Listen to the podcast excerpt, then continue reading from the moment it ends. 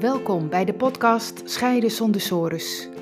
Ik ben Annewieke van der Boom en ik begeleid mensen die op het punt staan te scheiden en bang zijn voor een financieel drama, verlies van contact met je kinderen en eindeloze discussies met hun partner naar een nieuwe situatie waarin je meer quality time hebt met je kinderen, weer respectvol en ontspannen met je partner kunt communiceren en weer financiële duidelijkheid hebt. In deze podcast geef ik je informatie, tips en achtergronden die jou kunnen helpen goed door je scheiding heen te komen, met als resultaat weer plezier en energie om verder te gaan met je toekomst, voor jezelf en voor je kinderen. Dat is Scheiden zonder sores.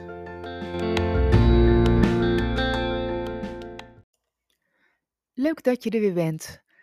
Mijn vorige podcast ging over de vraag: hoe vertel je nou op een goede manier aan je kinderen dat jullie gaan scheiden?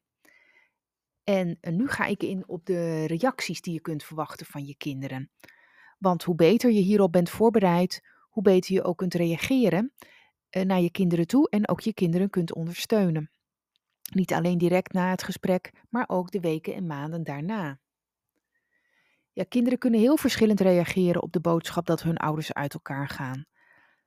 Kinderen voelen zich vaak afgewezen als ze horen dat hun ouders gaat scheiden. Want ze willen niet dat hun ouders uit elkaar gaan en ze voelen zich dan ook in de steek gelaten. Ook kunnen ze het gevoel krijgen dat ze moeten kiezen en dat kunnen ze niet. Dus ze kunnen verdriet voelen, boosheid en angst. Of alles tegelijk. Dus sommige kinderen reageren dan ook door boos te worden, anderen zullen gaan huilen en weer andere kinderen zullen heel veel vragen gaan stellen of juist stilvallen of weglopen. En jonge kinderen zie je vaak dat die nauwelijks reageren of heel onverschillig eigenlijk op de boodschap dat hun ouders gaan scheiden. Ze gaan gewoon weer spelen. die kinderen, die jonge kinderen leven nog in het moment. En het kan ook zijn dat ze nog niet beseffen wat de scheiding echt betekent. Nou, hoe je kind ook reageert, reageer zelf altijd begripvol en geef ruimte. Het kan best moeilijk zijn om je kind zo boos of verdrietig te zien. Probeer er voor je kind te zijn. Neem hun gevoelens serieus en laat merken dat het normaal is dat je kind veel gevoelens heeft. Alle gevoelens mogen er zijn, ook als dat betekent dat je kind boos op jou is. En als je kind er niet over wil praten, respecteer dat dan en begin er op een ander moment nog eens over. Kinderen verwerken heftige gebeurtenissen allemaal op een andere manier. Ze kunnen ook niet alles meteen begrijpen en niet alles zal meteen helemaal tot ze doordringen. Vragen komen pas uh, vaak een, een dag of een paar dagen later.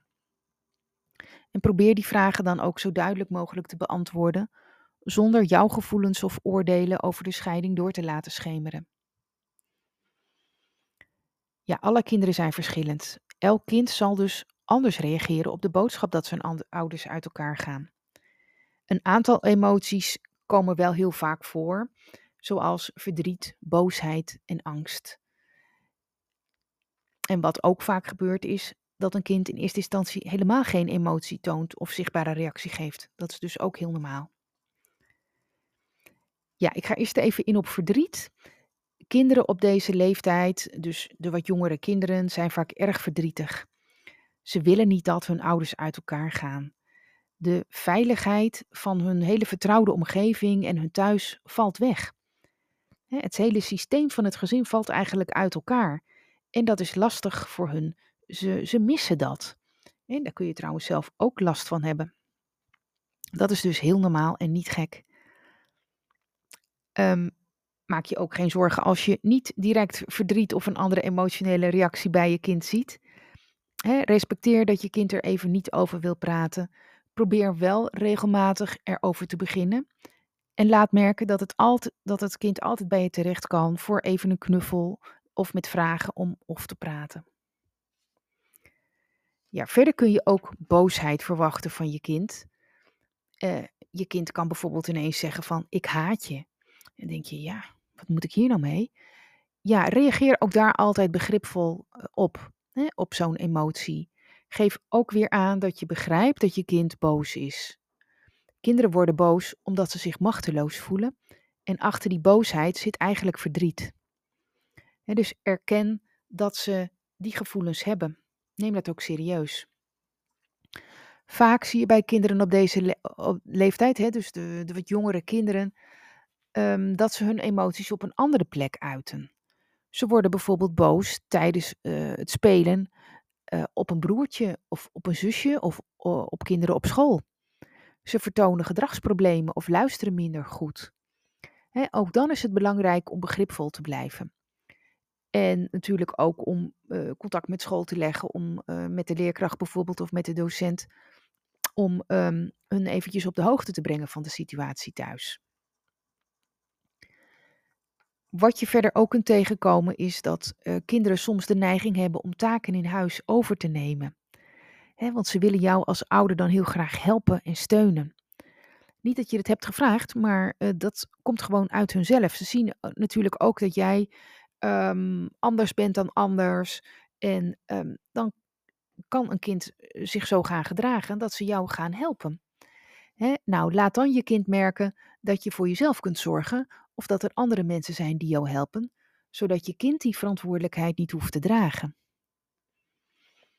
En wat je ook tegen kunt komen is uh, dat je kind last krijgt van angsten. Je kind kan bijvoorbeeld nachtmerries krijgen of moeite hebben om afscheid te nemen. Ze zijn bijvoorbeeld bang dat als ze afscheid nemen, dat jij ook weggaat of dat ze hun vader of moeder nooit meer zien. dus dan, dat, dat kan best groot worden bij kinderen. En dat zijn ook normale angsten bij een scheiding. ook die angsten komen weer voort vanuit die onveiligheid die een scheiding met zich meebrengt. Ook dan is het belangrijk dat je je kind gerust stelt en, en dat je begripvol reageert. Ja, kinderen die komen uh, pas vaak echt aan rouw toe als de scheiding al een tijdje geleden is.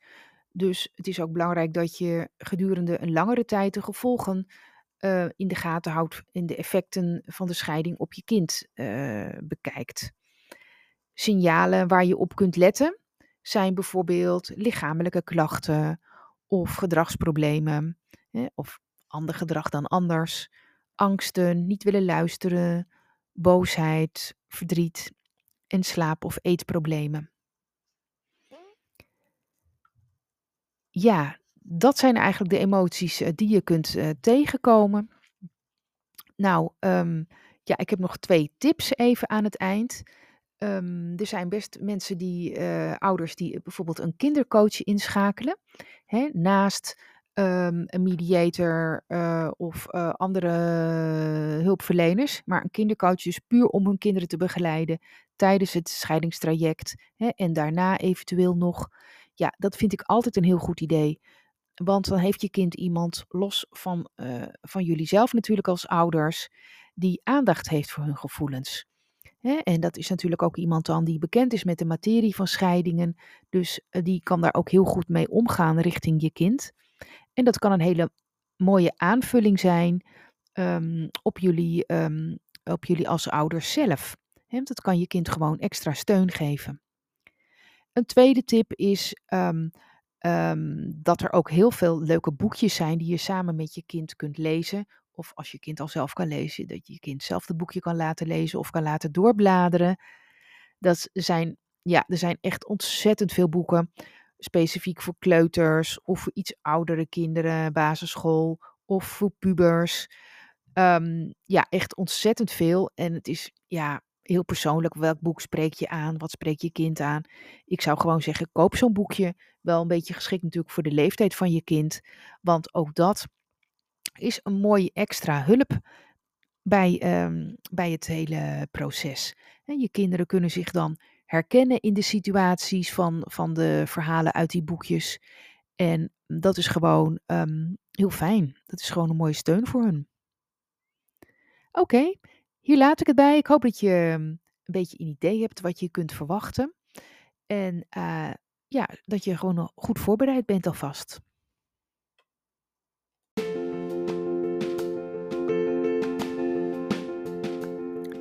Leuk dat je hebt geluisterd naar deze aflevering.